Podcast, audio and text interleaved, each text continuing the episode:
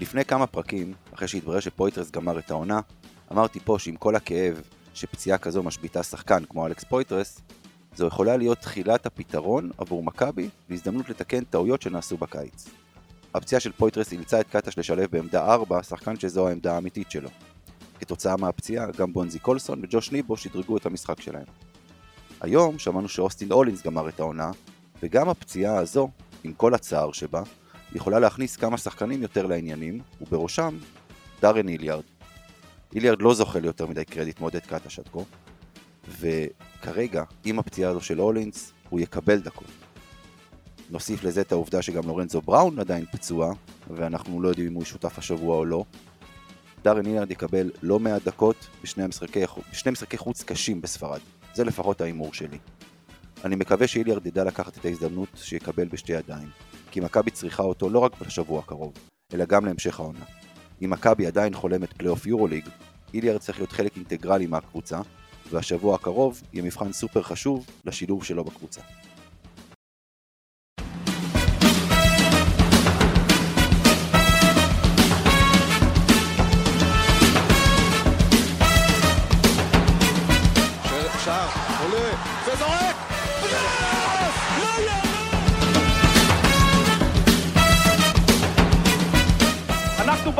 ואנחנו נשארים במפה, לא רק בספורט, לא הכל.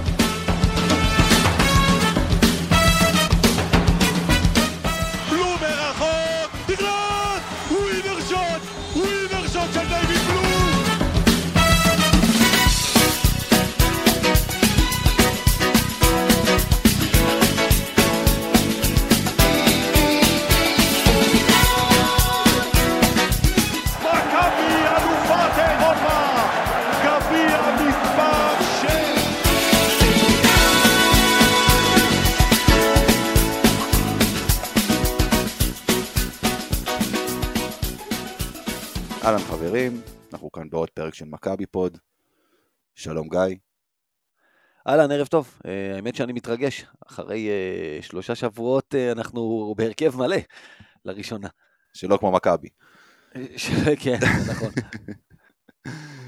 שלום יאיר. אהלן, אהלן, ערב טוב. Uh, טוב, אז ככה באמת בפתיח uh, דיברתי על, uh, על הפציעות של מכבי, דיברתי על פויטרס, דיברתי על הולינס, אז בואו נתחיל באמת לדבר על אוסטין הולינס, ש... לא יודע, תחילת העונה הייתה סיפור עם הפציעה שלו, כן יחתכו אותו, לא יחתכו אותו. אה, במשחק האחרון בפיראוס הוא קיבל שם איזושהי מכה בברך, או לא יודע מה, לא יודע אם זה קשור. בשורה התחתונה, גמר את העונה. יאיר, מה... אני לא רוצה לשאול אותך אם זה טוב לנו או לא טוב לנו, אבל כאילו, מה יש לך להגיד על כל הנושא הזה? לא, אני חושב שלשום קבוצת יורוליג שנבנית עם סגל אה, אה, רחב, פציעה של שחקן זה אף פעם לא משהו חיובי.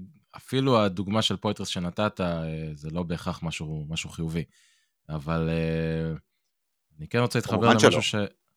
כן, כן, הפציעה לכשעצמה זה כמובן לא דבר חיובי, פויטרס שחקן נהדר, אה, אולינס, כמובן, בשונה מפויטרס היה רולפלר במכבי עם תפקידים מאוד מאוד uh, מוגדרים. Uh, אני כן רוצה אבל להתחבר למשהו שאמרת שם, שזה יכול להכניס שחקנים אחרים uh, לעניינים, כאילו, לא רק נשים בפרופורציות, הבן אדם שיחק כמה? חמש דקות, שש דקות בממוצע למשחק, היו משחקים שהוא אפילו לא שותף, היו מקרים שהוא עלה לאיזה stretch אחד של כמה דקות, ירד ויותר לא חזר, אז אני לא יודע אם זה בדיוק אותו מקרה כמו פויטרס, ש... זה היה הממוצע שלו? 9.42, כן. ביורוליג, כמובן, כי בליגה הוא לא שיחק. אז תוסיף את התשע דקות האלו, אפילו את השש-שבע דקות האלה לדקות של איליארד, למשל. זה כבר יותר זמן על המגרש, זה כבר יותר אפשרות לעשות משהו. תראה, זה, זה, ואל תשכח, גם בפתיח שלי אמרתי, זה בשילוב לפחות לשבוע הזה, לא יודעים מה השבוע הבא, עם הפציעה של לורנזו. זה כבר פותח לך, אתה יודע, עוד שתי מקומות בעמדות הגארד, גם אם אולין שיחק רק עשר דקות ממוצע למשחק. כן, אתה, אתה צודק, אבל צריך גם לזכור שכשהוא נכנס למשחק לאותם תשע דקות, מסתבר, כמו שגיא אומר, זה היה בגלל משימות הגנתיות. זה לא שעכשיו ויליארד יהפוך להיות סטופר הגנתי במכבי, כי גם הוא, כמו אולינס, קצת מתקשה בלהזיז את הרגליים העונה ביחס לעונות קודמות. אמ, אני, יש לי איזשהו חשש שה- שהדקות האלה דווקא יגיעו לשחקנים כמו אה, ג'ון די, ואולי אה, קצת בולדווין, בטח כשלורנזו יחזור, כשחקנים שהם טיפה יותר אה, עם אוריינטציה הגנתית מאיליארד. אה, ואני אולי מקווה באיזשהו מקום שאנחנו נקבל אה, רכז מחליף לתוך הסגל של היורוליג, ש... שכן מסוגל ברמה הפיזית, אתלטית, להתמודד בהגנה עם, אה, עם גארדים של אה, קבוצות אחרות. כמובן נדבר על אה, יפתח זיו. Don't hold your breath, בוא נגיד את זה ככה, כאילו אם אתה רוצה... אמרתי, אני מקווה. אה, כן. אה, כן, נכון. כן, גיא. קודם כל, דרך אגב, אחת היריבות שלנו השבוע, ולנסיה, אה, במשחק מולה, בבית, אוסטי לולינס קיבל 18 דקות, שזה הכי הרבה שהוא קיבל במכבי תל אביב באיזשהו משחק. ארבע משחקים, ארבעה משחקים אחרונים, אגב, הדקות שלו מול אולימפיאקוס 6.28, פאו 3.26, פרטיזן 7.26, ריאל מדריד 7.11. שם יש, יש, אה, אתה רואה כבר מגמה במשחקים האחרונים שנתנו לו כבר פחות מהממוצע, שקודם זה היה יותר.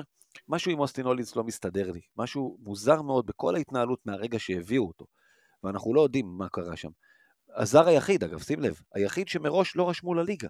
גם את סולימן בריימו שהביאו עכשיו, הנה, הוא כבר שיחק ביום אה, ראשון, כבר רשמו אותו, יש לך עשרה זרים לרשום, רשמת תשעה, וגם את החדשים, כלומר, גם את אדמס, גם את בריימו. את הולינס מההתחלה החליטו לא לרשום. הולינס, בכל פעם שראית אותו עולה למגרש, הוא לא היה הכוכב אף פעם, אבל אני חושב, אמיר, אתה יודע, גם בתור אלה שמשדרים את זה, תמיד ראית שהוא נותן. היו לו דקות טובות בהגנה, היו לו כמה פעולות שאתה יודע, השפיעו טוב על הקבוצה, הוא תמיד היה מקצוען ב-100% ממה שאנחנו ראינו, אנחנו לא באימונים. הוא תמיד נתן הכל.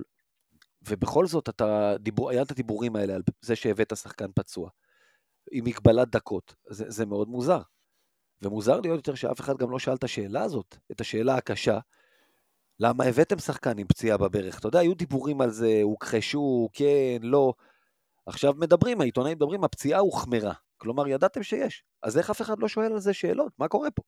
כן, אבל כל השאלה... ההתנהלות של מכבי עם זה מאוד מוזרה בעיניי.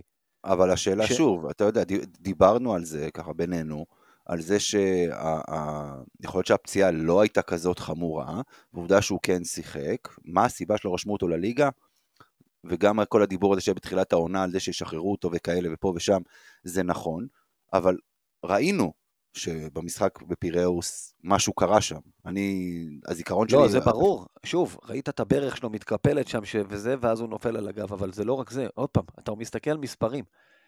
במכבי תל אביב נקודה פסיק שמונה למשחק, ריבאונד פסיק שלוש, אמרנו שבע דקות. הממוצע כל הזמנים שלו ביורוליג לפני מכבי היה 8.8, מכבי הורידה לו עכשיו את הממוצע. וממוצע של, אה, של 18 דקות למשחק. אתה מבין שזה שחקן שבמקומות אחרים תרם והשפיע הרבה יותר. אז, אז, ומראש, אתה יודע, זה לא שהוא בא במכבי ונתנו לו 20 דקות בערב, זה קרה פעם אחת מול ולנסיה, כמו שאמרתי, והחליטו לא לתת לו. זה מראש כאילו הבאת שחקן שהחלטת לא לתת לו. כאילו, ככה, ככה זה נראה, איך להגיד, מבחוץ. וזה פשוט מוזר, אני לא מצליח להבין מה קרה איתו מההתחלה ועד הסוף.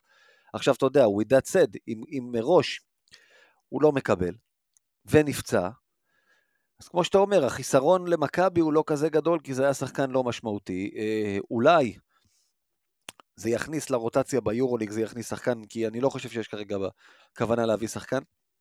אולי זה יכניס ישראלי אחר לרוטציה ביורוליג. דרך זה אולי נרוויח אותו גם לליגה, ואתה יודע, כמו שאמרת, לפעמים אה, מאז יוצא מתוק. אני, אני רק אחזור באמת לסיכום העניין הזה, אלא אם כן לי עוד משהו להגיד על סיפור הולינס. אה, אמרתי לפני כמה פרקים, ואני אומר את זה שוב. אנחנו לא יודעים הכל, אנחנו לא יודעים מה היה שם, מה, מה היה כשהביאו אותו, מה, מה, מה הייתה המטרה, מה הייתה הסיבה, היה פצוע, לא היה פצוע. אנחנו לא יודעים הכל. אפשר לבוא ולהגיד את זה ל, ל, לרעת מכבי שהם לא משתפים, אבל את זה אנחנו כבר חווים uh, כמה שנים טובות. Uh, אבל אנחנו שוב, אנחנו לא יודעים הכל, אז בואו בוא נאחל לו החלמה מהירה ו, ו, ובואו נתקדם. אמ, אז אנחנו אחרי שדיברנו באמת על הולינס, בואו נחזור, לפני שאנחנו בעצם מדברים על המשחקים שהיו, אה, מה זה היה? יאיר, תזכיר לי, עד לפני משהו כמו שלושה שבועות, באנו ואמרנו, רואים גרף שיפור בהגנה. אה, רואים שמכבי קצת אה, שומרת יותר. ריבאונד, המחלה שהייתה לנו בתחילת העונה, אנחנו ראינו שמשהו שם השתנה ופתאום מכבי כן מצליחה לשלוט בריבאונד. ועוד פעם, חזרנו מה שנקרא, חתיכת רגרסיה הייתה לנו פה. רק, רק נזכיר כמה נקודות ספגנו במשחקים האחרונים. שלושת המשחקים האחרונים, אפילו אם ניקח בחשבון את הליגה אתמול, קריית אתא 88 נקודות, נגד אולימפיאקוס 95, בדרבי 96. גם ריאל מדריד לפני, הכל, זה מריאל מדריד התחלת, התחלת שוב פעם בעצם לחזור לסורך. אפילו בגביע, משחק גרבג' מול הרצליה, נטולת קריס באב, חטפת 89 נקודות. כלומר, המשחק מול הפועל חיפה ברוממה, חטפת 59 נקודות, ההגנה שם הייתה אגרסיבית כמו שצריך, ואז הגיע המשחק הבא, מאותו רגע ההגנה שלך חזרה בדיוק ללפני חודש, חודש אחורה, שהיא פשוט לא מצליחה לעצור אף אחד. אה, אני חושב שזה עניין של אנרגיות, אה, יש עייפות. אתה יודע, דרך אגב, זה קורה להרבה קבוצות. חודשים ינואר, פברואר, יש להרבה קבוצות איזשהו משבר מנטלי. זה, זה, זה שלב במהלך עונה שיש כמעט לכל קבוצה. יש קבוצות שמגיעות, אתה יודע, יש הפוך, יש את אלה שמגיעות לשיא שלהם בינואר. פה אני זוכר את מכבי, מכבי של 2014-2015. הייתה בשיא שלה בפברואר. וזה דבר רע לקבוצה. אולי, אה, אתה יודע, אולי טוב שזה קורה עכשיו, שאנחנו רואים איזו ירידה, איזו עייפות מנטלית, לשיא צריך לבוא בזמן. תראה, אם אני, אם אני, אני כן רוצה להוציא את המשחק מול קריית אתא דווקא מהמשוואה הזו, לדעתי לפחות. צריך לזכור, שיחקנו ב, ב, נגד אולימפיאקוס ביום שישי, משחק שהסתיים ב-11 ורבע בלילה, משהו כזה זה היה, אה, אם לא יותר מאוחר אפילו.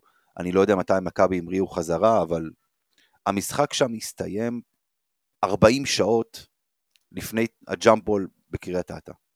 זה כן, ואתה יודע, וגם בראש, של, אני מניח לפחות, של השחקנים יודעים שעוד 24 שעות הם ממריאים לשני משחקי חוץ. בס... זאת אומרת, המשחק אתמול, לדעתי, הוא כאילו צריך להוציא אותו מהמשוואה, אבל זה לא, זה לא סותר ולא פוסל את כל העניין הזה שבאמת, ההגנה של מכבי לאחרונה לא מתפקדת. יאיר. כן, אה, דיברנו על זה שבדצמבר ההגנה של מכבי הייתה אחת הטובות ב- ביורוליג בהרבה מאוד מדדים, בהרבה נתונים, גרף שיפור קראת לזה. אני חושב שהיום ב- בהסתכלות לאחור על ינואר שתכף נגמר ודצמבר שהיה, אה, לי מרגיש שכמו הרבה דברים בעונה של מכבי העונה, זה פשוט פונקציה של היריבות ששיחקנו נגדם. אמ, יש איזשהו קטע של מכבי תל אביב השנה, אה, וראינו את זה בהרבה מאוד משחקים ובהרבה מאוד מקרים, בטח נגד קבוצות אה, ברמה גבוהה, יותר גבוהה מה, בוא נגיד, אמצע הטבלה ומטה של הליגה הישראלית. אה, קצת להיגרר לסגנון המשחק, לצורת המשחק, למה שהיריבה רוצה לעשות מבחינת קצב לפעמים. ובסוף כשאתה מסתכל על השחקנים, על, סליחה, על הקבוצות ששיחקנו נגדם, נגד, שנגדם שיחקנו בדצמבר, אז אתה מקבל איזושהי תמונה שהיא שונה לחלוטין ממה שהיה בינואר מבחינת זהות היריבות שלנו. אז נכון שדצמבר התחיל עם איזה מכה, קטסטרופה של הגנה בביירן, ודיברנו על זה ולא ניכנס לזה שוב פעם, אבל אחרי זה קיבלנו את ולנסיה בלי, בלי קריס ג'ון, שזו קבוצה הרבה פחות טובה, אה, ואז סדרה של מילאנו, בולוניה ואלבה, שזה, בוא נגיד, שלוש מהארבע, חמש קבוצות הכי חלשות במפעל העונה בצד ההתקפי. אה, ו... וסיימנו עם הנדולו, שבאמת, אולי מכל המשחקים שאני יכול להסתכל עליהם uh, השנה ביורוליג, זה באמת היה המשחק היחידי שאתה אומר, לקחנו קבוצה שהיא באמת קבוצה התקפית, והצלחנו להוריד אותה, ל... הצלחנו להוריד, לה... להוריד אותה מתחת לממוצעים שלה. וזה גם היה בעיקר בגלל רבע אחרון באמת אדיר uh, בהגנה. ובינואר, מצד שני, שיחקנו נגד קבוצות הרבה יותר טובות בהתקפה, ריאל ואולימפיאקוס ופרטיזן, אה, וגם שיחקנו אה, יותר משחקי חוץ מאשר משחקי בית. אנחנו הרי יודעים שמכבי תל אביב קבוצה הרבה פחות טובה אה, בחוץ מאשר בבית, ורואים את זה גם ברמת המספרים, ההבדלים הם, הם מהותיים. מכבי במשחקי בית שלה, מקום רביעי ביעילות הגנתית, זה יורד למקום אחד לפני האחרון במשחקי חוץ. ביחס זריקות עונשין לזריקות שדה של היריבה, שזו נקודה מאוד בעייתית אצלנו כל השנה, מקום שמיני בבית, מקום אחרון בחוץ. אה, יחס אסיסטים עיבודים של היריבה, מקום ראשון בבית, מקום 11 בחוץ. אחוזים אפקטיביים מהשדה, מקום חמישי בבית, מקום שלישי, זאת אומרת, אנחנו טוב, טוב, הבנו, מהסוף. הבנו, הבנו. זאת אומרת, הבנו. אנחנו, ברגע שאנחנו יוצאים החוצה, אנחנו מתחילים לראות שאנחנו קבוצת הגנה הרבה הרבה פחות טובה. ושיחקנו נגד קבוצות אה, מאוד מאוד טובות, גם בליגה, אגב, גם, גם באירופה, בחוץ, בחודש לא, הזה. אבל, אבל, אבל רגע, עם כל הזה, גם, גם, כמו שאמרת, גם בחוץ, בכל זאת, שיחקת פעמיים באיטליה ולא חטפת שם אה, יותר מ-78 נקודות, אתה לא תשכנע כי אותי. לקבוצות ש- התקפה לא טובות. מילאנו זה קבוצת? התקפה הכי. גרועה במפעל. רגע, אה, שנייה, זה המפעל אבל, אתה לא תשכנע אותי שווירטוס בולוניה מוכשרת פחות התקפית מהפועל תל אביב, עם כל הכבוד. זה לא עניין של. כישרון, אה, זה לא עניין של כישרון. אגב, לדעתי. כן, יאיר. אה, גיא. לדעתי. אה, אין בעיה, אפשר, אפשר, אה, אפשר להתווכח על זה, גם צריך לזכור, כשאתה בא לשחק נגד בולוניה, אתה בא לשחק בסגל יורוליג, אה, עם רוטציה של יורוליג, אין חוקים של חצי חוק רוסי.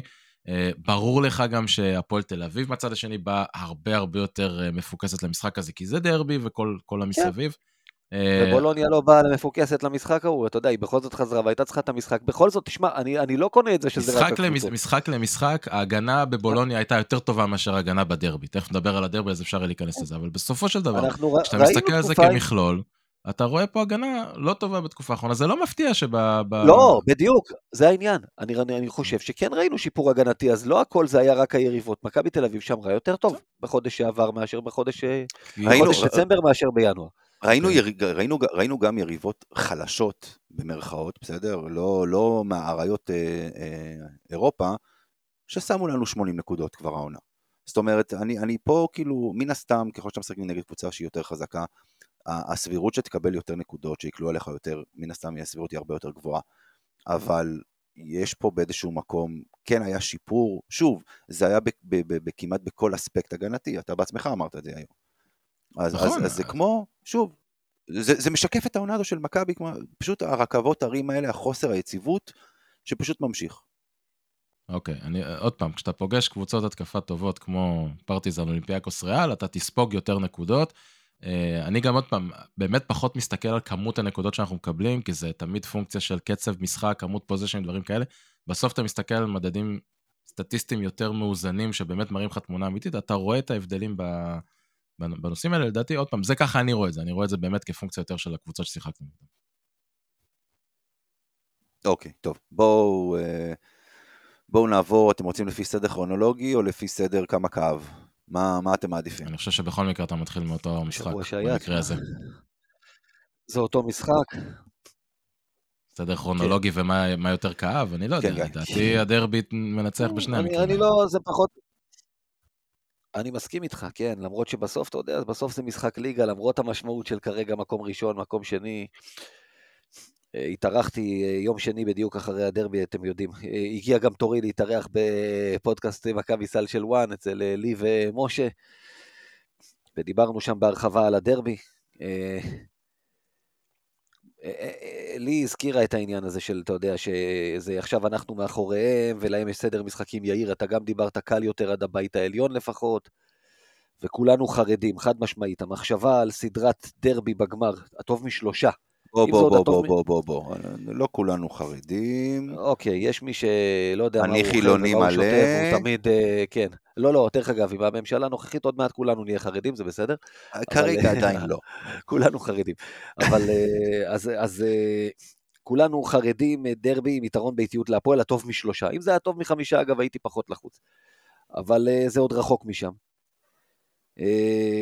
אמר לי איזה מישהו שאגב אוהד הפועל ירושלים בכלל, שהפועל אלופי העולם בלנצח אה, דרבי שזה לא חשוב, אה, או לנצח משחקים שהם לא חשובים. אה, ברור היה שהם רוצים את זה, למרות שגם השחקנים שלנו, לא חושב שהרצון היה הבעיה, אבל משהו שם בטקטיקה. כי מכבי תל אביב באה כאסטרטגיה להעיף מבחוץ. ובסוף, ניבו קיבל כדור ראשון בפוסט-אפ בערך ארבע וחצי דקות לסוף המחצית, 4.42. ואתה רק זרקת מבחוץ, והפועל תל אביב הלכה פנימה כל הזמן. כאילו בקו הקדמי שלה משחקים שקיל אוניל וויל צ'מברלין או משהו בימים שלהם. ולא תומר גינת, עם כל הכבוד לו, וצ'יננו נואקו, עם כל הכבוד לו.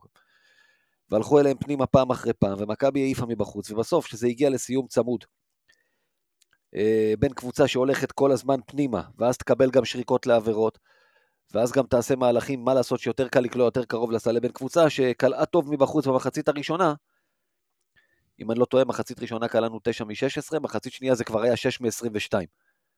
זה כבר התכנס כמעט לממוצע שלנו, היה לנו הימור כזה על אחוזי שלשות. אז אה, הפועל תל אביב ראתה שלא הולך, הפסיקה לזרוק. מכבי תל אביב התאהבה בזריקה, וגם בסוף, שימו לב, הלכנו לקו, כמה פעמים הלכנו לקו שם במהלך המשחק טוטל?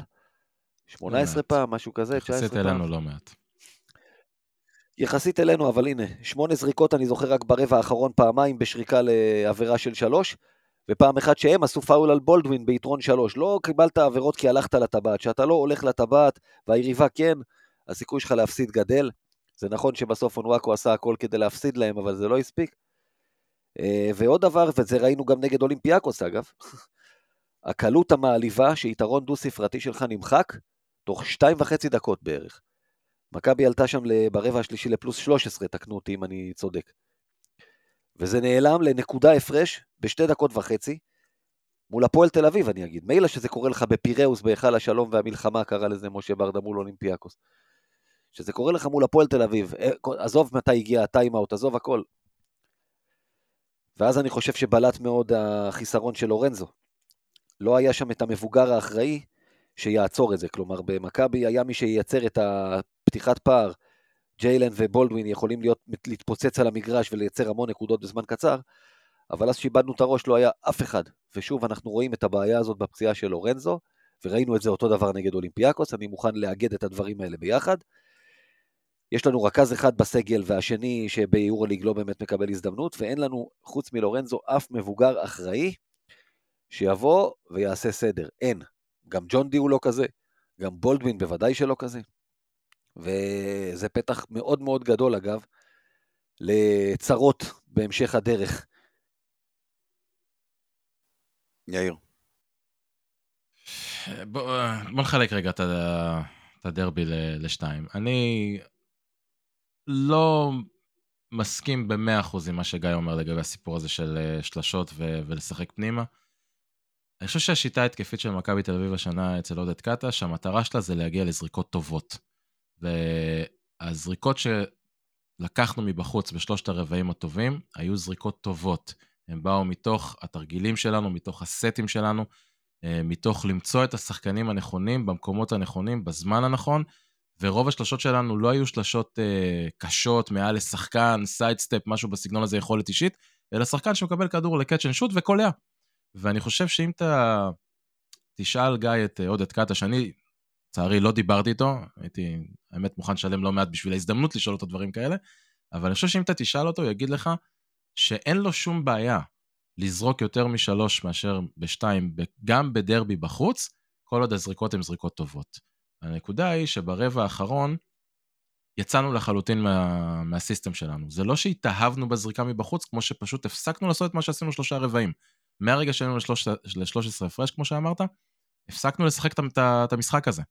אה, זה הפך להיות משהו שראינו בלא מעט אה, דרבים שנה שעברה ושנים קודמות בכלל, שחקן אחד עומד, מכדרר, וארבעה מסתכלים עליו, סטטיים. לא חותכים לסל, לא זזים, ה pick and roll ים לא, לא באמת עובדים.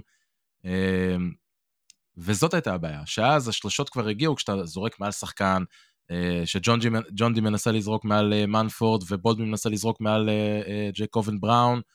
זאת הייתה הבעיה, שהזריקות היו פשוט לא טובות, אוקיי? אה, לי לא הייתה בעיה עם כמות הזריקות שזרקנו מבחוץ, הייתה לי בעיה עם האיכות, באופן אישי. אה, זה הצד ההתקפי. אני מקבל, רגע, אני... מהמם. שנייה, אני מקבל את הדברים שלך, אבל, אבל, עוד פעם, בסוף התכנסת כמעט, אפילו היית טיפה מעל הממוצע שלך בליגה, אתה ממוצע 38 וחצי, היית 39, וביורוליג זה פחות. מכבי תל אביב השנה, ואנחנו דיברנו על זה, היא לא קבוצת כליאה טובה מבחוץ. אז, אז, אז, אז אני לא, לא באמת הגיוני לי בליגה היא משחק כן. כדורסל. אתה רוצה, אתה רוצה אבל, זה, אבל בליגה היא כן. תסתכל על שני משחקי בוא, הליגה לא האחרונים. הגיוני לי שאתה משחק כדורסל שמבוסס על זריקות מבחוץ, שאתה זה קבוצה לא, של אבל זה לא עד שאין לה קלעים, הכדורסל, אתה יודע, אבל אתה טועה. טהורים. אה, סורי, אתה טועה. אנחנו לא משחקים משחק שמבוסס על זריקות מבחוץ. אנחנו משחקים משחק שמבוסס על קריאת מצבים ולקחת את מה שההגנה נותנת לנו. ואם אה, אה, ג'ון די מקבל במחצית הראשונה ארבע, חמש פעמים זריקות פנויות לחלוטין, הוא צריך לקחת אותן. אם זה מה שההגנה נותנת. כי היא מצופפת את הצבע בפנים, הוא צריך לקחת את השלשות האלה. וכשהוא יהיה פנוי, בימים טובים זה ייכנס באחוזים האלה. אתה, אני לא יודע אם, אם, אם אתה שמת לב לאחוזים שקלענו אתמול בקריית אתא, אבל uh, אלה אחוזים טובים מאוד, כי הזריקות היו טובות. כן. לא גיא, ש- אני אני אזכיר לך, אה, קריית אתא, המגרש כל כך קטן שהשלוש נמצא בעונשין, עזוב אותך. אבל אה, זה... גיא, גיא, אני אזכיר לך כמה פעמים אמרתי בשידורים שלנו, שכשיש לך זריקה טובה, אתה צריך לקחת אותה. זה נכון. לא משנה אם אתה על השלוש, אם אתה מחצי מרחק, בפינה, לא חשוב. אם יש לך זריקה טובה, זריקה פנויה, וגם אמרת שחקן- בשידורים שלנו שיש לך קו אחורי לא אתלטי בעליל וקו קדמי רך, כמו שיש להפועל תקוף את הטבעת, ולמה אנחנו לא עושים את זה בסיום צמוד. תוציא את הפאולים, אתה תגיע לקו. זה, לא, תראה, צריך לעשות רגע הפרדה. צריך לעשות הפרדה בין דקה אחרונה, שתי דקות אחרונות במשחק צמוד, ששם כן, העדיפות היא לחדור לתוך הטבעת. אם היה לך את לורנזו, סביר להניח שזה היה קורה, כי היה לך גם יותר, אה, יותר גרדים אתלטיים שיכולים לעשות את זה, ולנסות לסחוט את העבירות, ולא להפיל הכל על בולדווין שנפל שם מהרגליים. מצד שני, כשאתה מדבר על עוד פעם שמכבי התאהבה בשלשות, אז כמו שיאיר אומר, אם השלשות שמכבי לקחה הן טובות, הן פנויות, מכבי צריכה לקחת אותן. כי אם לא תיקח אותן ותנסה למצוא ז- אה, אה, אה, הזדמנות כליאה אחרת באותה התקפה, סביר להניח שהזריקה שהם יקרו תהיה הרבה פחות טובה. ובלחץ של זמן. זה חד ואני- משמעית, ובלחץ של זמן, בדיוק. ו- ואני כן. אומר לך, גיא, שאין לא, לי את הנתון, אבל אם תלך תבדוק עד סוף הרבע השלישי מה האחוז שלנו לשלוש, אתה תראה שהוא עדיין היה אחוז מאוד גבוה. זה אולי לא היה החצי הראשון, אבל זה היה אחוז גבוה. אה, כי זה היו, כאילו, אלה היו זריקות טובות. עכשיו, לגבי ניבו, שאמרת שלא קיבל את הכדור, תשמע, אין מה לעשות. אה, איבדנו את השחקן שהוא כמעט היחידי אצלנו שמפעיל את, אה, את כל החגיגה הזאת של שחקנים שצריכים שייתנו להם את הכדור כדי לקלוע. אם זה ג'וש ניבו, אה, אם זה אה, לפעמים בונזי קולסון, אה, אם זה למצוא את אה, ג'רל מרטין במקומות שלו.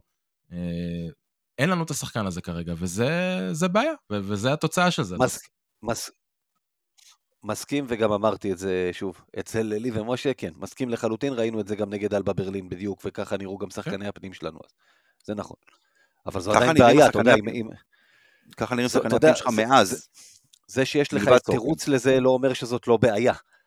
לא, לא, בוודאי, אין ספק, זה בעיה, וכל עוד לורנזו לא יחזור, אנחנו נצטרך אה, לנסות להשתפר ב- ב- בנושא הזה, כי אי אפשר שרק הגארדים יקלעו, מה שקרה שם עם שלושה שחקנים שכלו, מה זה, ה-67 נקודות, אם אני לא טועה, זה- אי אפשר לחיות ככה. אה, זה, זה נשמע מעולה, מצד שני יש לזה צד שלילי מאוד, אבל, אבל בסוף, בסוף, בסוף, אני מאוד מאוד מסכים עם מה שאמרת, אני חושב שאנחנו, כמו שניצחנו את הדרבי הקודם בליגה, בבית, במהפך שג'ונג'י עשה שם עם אה, שלשות בשלוש דקות האחרונות של הרבע השלישי, שהפך לגמרי את המשחק והעביר את המומנטום אלינו, אותו דבר קרה פה רק הפוך. לעלות ל-13 הפרש שלוש דקות לסוף הרבע השלישי, ולהגיע לתחילת הרבע האחרון כשאתה במשחק צמוד, זה שערורייה שאסור שתקרה במשחקים נגד קבוצות כאלה. אנחנו היינו צריכים לדעת לרדת לרבע האחרון במומנטום ועם יתרון דו-ספרתי, ולהרוג את המשחק תוך כמה דקות בתחילת הרבע הרביעי, וזה לא קרה, אה, וזה מתחבר להגנה הסופר רכה שהייתה לנו במשחק הזה, לאורך כל המשחק. גם כשהיינו טובים בהתקפה, ההגנה הייתה קטסטרופה. מרגרינה בקיץ. ממש, אה, ממש ממש ככה. זה, זה פשוט לא הגיוני. במשחק שבו כן. אונוואקו קולע את הסל שדה הראשון שלו ברבע האחרון, והוא סך הכל קולע שלוש סלי שדה כל המשחק. שער הפועל תל אביב בדיוק. קולט 24 סלים לשתי נקודות ב-63 אחוז. תגידו, מי בכלל יש בהפועל תל אביב שיגיע כל כך הרבה פעמים לנקודות קלות בצבע של מכבי, ועוד במשחק שהם הלכו 27 פעמים לקו? מי? תומר גינת עשה שם הגארדים, 7 מ-8 הגארדים. ל-2. הגארדים, הגארדים שפשוט חדרו, הגיעו לטבעת מתי שהם רק זה רצו. השערורייה, זה הנתון, השערורייה. אגב, תראה מה זה ב... נכון. שלוש- 38 נקודות להפועל ב-13 דקות האחרונות. זה כן. בלתי- זה בלתי נסלח. זה כן, בלתי נסבל. נכון. אין, אני אומר, אין, אין, אני- אין אני- דרך אני- לנצח אני ככה, לכם זה לא משהו. קשור למה אתה עושה בהתקפה, זה כאילו, בהגנה אי אפשר לנצח ככה. אני אגיד לכם משהו, קודם בדיוק ב... לפני שהבן הגדול שלי הלך לישון, אז הוא ראה קצת אה, טלוויזיה ביוטיוב וזה כאלה וזה, ופתאום היה תקציר של הדרבי הראשון, העונה. בווינר? הר- לא, לא, לא, לא, לא, בליגה. אה, בליגה. כן, כן.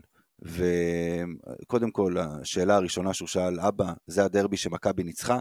אז זה כבר הכניס לי איזה סכין כזה על ההתחלה, אבל הוא התחיל ככה קצת, הוא התחיל ככה קצת לראות והכל, וישבתי לידו וגם אני ראיתי, ו... קודם כל זה היה משחק שלפחות התקציר הזה הזכיר לי כמה פויטרס היה שם טוב, אם אני זוכר נכון, הוא פירק אותם שם 20 מבפנים. נקודות, כל פעם, אנחנו שידרנו את המשחק ההוא, כל נכון, פעם נכון. שהלכו לפויטרס פנימה, מכבי השיגה מזה נקודות. גם אם הם לא רואה- היו ישירות שלו. כן. בדיוק, וזאת הנקודה של ההליכה פנימה פעם אחרי פעם, ולמכבי הפעם לא היה את פויטרס. אה, ויש לך שני גבוהים שהספציאליטה צריך שלהם להגיד, זה- אגב, שלהפועל לא היה אז את אונואקו, היה את קריס הורטון. בוא, נ... בוא, בוא נגיד ככה, אונואקו לא יכול אבל, לעצור אבל לא, אבל, אונואקו לא יכול לעצור את אגב, פויטרס. הגנתית, קריס הורטון לדעתי שחקן טוב יותר מאונואקו. בדיוק. והיום יש לנו שני גבוהים ש- שמה לעשות, אה, הם לא, הם לא יכולים לקחת את הכדור עם הגב לסל, זה לא רומן אולי קצת, אבל זה, זה, זה לא מה שהם יודעים, לא מה שהם הכי טובים בזה, בהם. וזה פשוט הרגיז אותי, עוד פעם, הרגיז אותי המקום הזה של כמה הצבע שלנו היה רך וכמה פעמים, אני, אני, אני לא ספרתי, אולי אתה יכול להגיד לי כמה פעמים היה שם פאול וסל, המון. שהפועל תל, אביב- תל אביב עשו, על, על פשוט חדירה פשוטה לצבע. כל פעם שהיה מומנטום למכבי, אגב, זה נגמר שם פאול וסל בצד השני. הפאול וסל ש- על, אה, על ג'ייקון בן בראון בשלוש הפרש, פחות מדקה לסוף. זה וואו, חירפן אותי. אם היו לי שערות, הייתי תולש אותם באותו רגע. ממש, ממש. טוב, בואו... לא נספר אה, לך מאיפה תלשתי שערות. פחות, פחות, אה, פחות. פחות רלוונטי, כן. בוא- כן, פחות אה, זה, כן. בואו נעבור לדבר על, על אולימפיאקוס. כאילו, בגדול, אני חושב שאני יכול להגיד שהמשחק הזה תסכל אותי לא פחות מהדרבי. כי אתה פותח, אתה פותח את המשחק ב-11 הבדל, ואתה פותח את המשחק טוב, פתחנו אותו נהדר. נהדר. ושיחקת הגנה, בדיוק. פגז. כן, ו- ו- אה, נכון, הנענו זה- כדור, איך יאיר אמר, זריקות טובות. אוקיי, גם מה שנכנס מבחוץ, הגענו לזריקות טובות, כדור זז בהתקפה ושמרת, ואיך אמרת, הראת שאתה יכול לשמור, ואז הראת כמה התחיל- מהר אתה שוכח את כל מה שעשית, ואתה מפסיק לשמור. זה התחיל כמו המשחק ההוא בפיראוס אה, עם הקבוצה של יאניס. כך, ככה זה התחיל. ה-30 הפרש, או כמה, שני, כמה שנגמר שם. אה, 90-65 נגמר, אז כן, אתה מדבר על כן. 19-20, כן. נכון. עכשיו, זה היה די ברור שזה לא יימשך ככה לאורך כל המשחק, ובטח שלא נגיע ל-25 הפרש, אבל גם שם, מהר, מהר, מהר מאוד איבדת את היתרון הזה, אה, והם רצו שם, לא זוכר לאיזה כמה, הם כלו איזה 40 נקודות, אנחנו כללנו, מה, לא זוכר, מה, 14, 13? הריצה שלהם הייתה, אה, אם אני לא טועה, 41-15, משהו כזה, 26 נקודות יותר, וזה עוד פעם, ב-41, זה הצד. עד אז החזקת אותם על 10 נקודות כמה דקות, 21-10, ואז הם איכשהו הגיעו לסוף הרבע. הם פתאום הורידו עליך בכל זאת עוד איזה 15 נקודות עד סוף הרבע, למרות שנשארו שם כמה דקות. ועד המחצית, כן. ב-14 דקות הם עשו שם 41 נקודות, משהו כזה. כן, וגם משהו שם, מזעזע, ש- זה שוב, שקיל, אתה- ש- ש- שקיל מקיסיק פשוט נכנס לתוך הצבע מתי שמתחשב. שחזור של הדרבי מבחינתי. שחזור בקטע של ההתפרקות, בזה שאתה מראה הגנה טובה, פותח פער, ופתאום אין הגנה. כי שכחת, לא רק שזה. עזוב שבהתקפה, ברור, אה, זה הקהל מתחיל להיכנס. אולימפיאקוס קבוצה טובה יותר מהפועל תל אביב, אצלה בבית מהדקת את ההגנה. אוקיי, הבנתי, אבל, אבל מה, מה קורה בהגנה פתאום, שאיך אמרת, הטיילת הזאת עוד פעם נפתחת עונת הרחצה וכולם הולכים לים אה, להיכנס לך לצבע. זה, זה לא ברור. יאיר. אה, אני חייב להגיד לכם, אני מאוד מאוד לא התרגשתי מהפתיחה הממש טובה הזאת שלנו. היה כיף לראות את זה, אבל זה כאילו היה, היה, היה ברור שזה לא יימשך, וזה לא יגיע לאותו, לאותם 25 הפרש אה, שהיה ב-2019-2020. אה, לא, אני, אני מסכים איתך עוד פעם, אני מקבל את זה שזה לא יימשך, אני מקבל את זה שההתקפה תיתקע והם יחזרו גם לאט לאט, ישבו את התוצאה, הכל היה צפוי, בסדר, אין בעיה. אבל כמו שתמיד גם אמיר אומר, אין דבר כזה יום רע בהגנה. אוקיי, ההתקפה הפסיקה לתפקד, זה ברור, מתישהו הם יתחילו גם uh, לעשות התאמות. אבל בהגנה תפוצץ חזרה, אתה רואה שהם חוזרים למשחק. עוד פעם, הרכות הזאת, אני- אין הבעיה- בעיה, תרביץ חזרה. יא- גיא, הבעיה היא פה שלנו. שוב, אנחנו משדרים את כל משחקי הבית של מכבי ביורוליג, ראינו אותם כבר מיליון פעם, וכל פעם אנחנו חוזרים על אותם דברים, ואנחנו לא מבינים, זו לא קבוצה שתפוצץ. קבוצה שתבוא לפוצץ אותך, אתה תהיה בבעיה. אבל דרך אגב, אה, אה, בגלל שאולי שאנחנו משדרים את הבית, שאתה רואה שיש לך את הדקות שאתה בב- בבית, אתה כן עושה את זה? יש הבדל עצום בגישה של השחקנים. מכבי עשתה את זה בהגנה. בתחילת... מכבי עשתה את זה בתחילת המשחק נגד אולימפיאקוס. כמו שהיא עושה את זה בבית ברבע כזה או אחר, עשתה את זה באולימפ... נגד אולימפיאקוס חלק מה... בחלק מהרבע הראשון, לא יודע. וזהו, ונגמרו האנרגיות. מרגיש לי שאתם קצת לא נותנים מספיק אה, קרדיט ל- לאולימפיאקוס בכל הסיפור הזה, וכאילו זה, זה, כאילו זה הכל רק אנחנו. תשמעו, אני חייב להגיד לא, זה לא- אנחנו... מה רצית להגיד, אמיר? דבר. לא, לא, אני, אני אגיד לך משהו, בגדול, בגדול, מן הסתם אולימפיאקוס קבוצה יותר, טוב, יותר טובה ממכבי, לא נראה לי שאני מגלה פה משהו, זה, זה ברור לגמרי, הרבה יותר עמוקה, הרבה יותר אה, אה, שלמה, אין ספק. אבל הגעת ל-11 הפרש, עכשיו נכון, 11 הפרש בכדור- בכדורסל של היום קל מאוד לסגור. עדיין הגעת ל-11 הפרש, ומילא היית מאבד אותו, היית מושך את זה ככה, אתה יודע, את היתרון הזה, עד אמצע הרבע השני, עד המחצית, אתה יודע, מגרד את היתרון. איבדת אותו בצ'יק, פשוט. כן, נכון. אבל תקשיב, אנחנו ראינו את המשחק הזה אולי 200 פעם בשנים האחרונות. בליגה. שקבוצה באה לשחק נגד מכבי תל אביב בהיכל. כמה פעמים קרה בשנים האחרונות שמכבי מתחילה משחק בית קצת ישנונית, הקבוצה בצד השני באה להרביץ, באה ל- ל- עם אינטנסיביות ועולה ל- לדו-ספרתי בדקות הראשונות של המשחק. קרה המון פעמים. כל פעם שזה קורה, גם אנחנו, כאוהדי מכבי, אנחנו משוכנעים ששתיים שלוש דקות אנחנו משחקים אה, טוב ואנחנו סוגרים את הפער הזה. עוד שתיים שלוש דקות אנחנו פותחים פער דו-ספרתי משלנו. ראינו את זה כל כך הרבה פעמים וזה היה כאילו, לא יודע, לי זה היה מאוד מאוד מוכר כל הסיפור הזה, וזה היה ברור לי שזה לחלוטין לא תלוי בנו.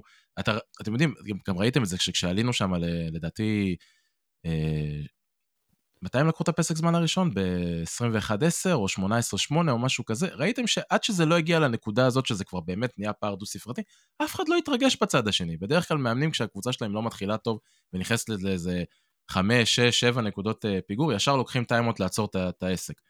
שם ראית, אף אחד לא מתרגש, גם לא עושים חילופים, הכל, כאילו, הכל היה בשליטה. וגם הם לא היו בלחץ מאיך שזה נפתח. ואני אומר עוד פעם, זה, זה, ראינו את הסצנריו הזה כבר, וככה זה, זה היה נראה.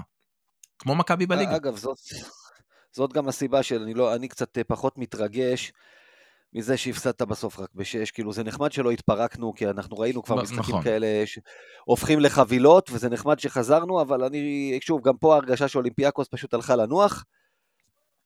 וכל פעם שהתקרבת לאיזשהו פער שכאילו סיכנת אותם, חטפת נכון, את הסל, נכון. היה- היית ממשיך עוד שבוע את המשחק הזה, נכון. לא היית מנצח. גם את זה ראית הרבה פעמים ממכבי בליגה, כשקבוצה השנייה מנסה לחזור, כשצריך איזה שלושה, אז יש את ה... אצלהם יש את אה, איזיה קיינן או תומאס ווקאפ, אצלנו זה יכול להיות אה, יפתח זיו ובונזי קולסון, שייתנו את השלושה הזאת ש...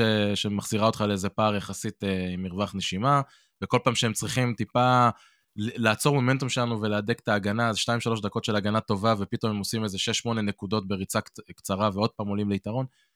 הם, הם קבוצה באמת מאוד מאוד טובה. אני מסכים לגמרי עם גיא, זה מאוד היה חשוב שלא התפרקנו שם, כי היה שם מבוא להתפרקות, בקלות.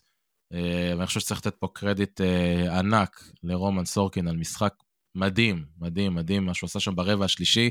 אני ישבתי, הסתכלתי על זה, אני אומר לכם את האמת, אני, אני כל התקפה שהוא לקח שם ריבאונד התקפה על איזה ארבעה יוונים, אני רק צחקתי.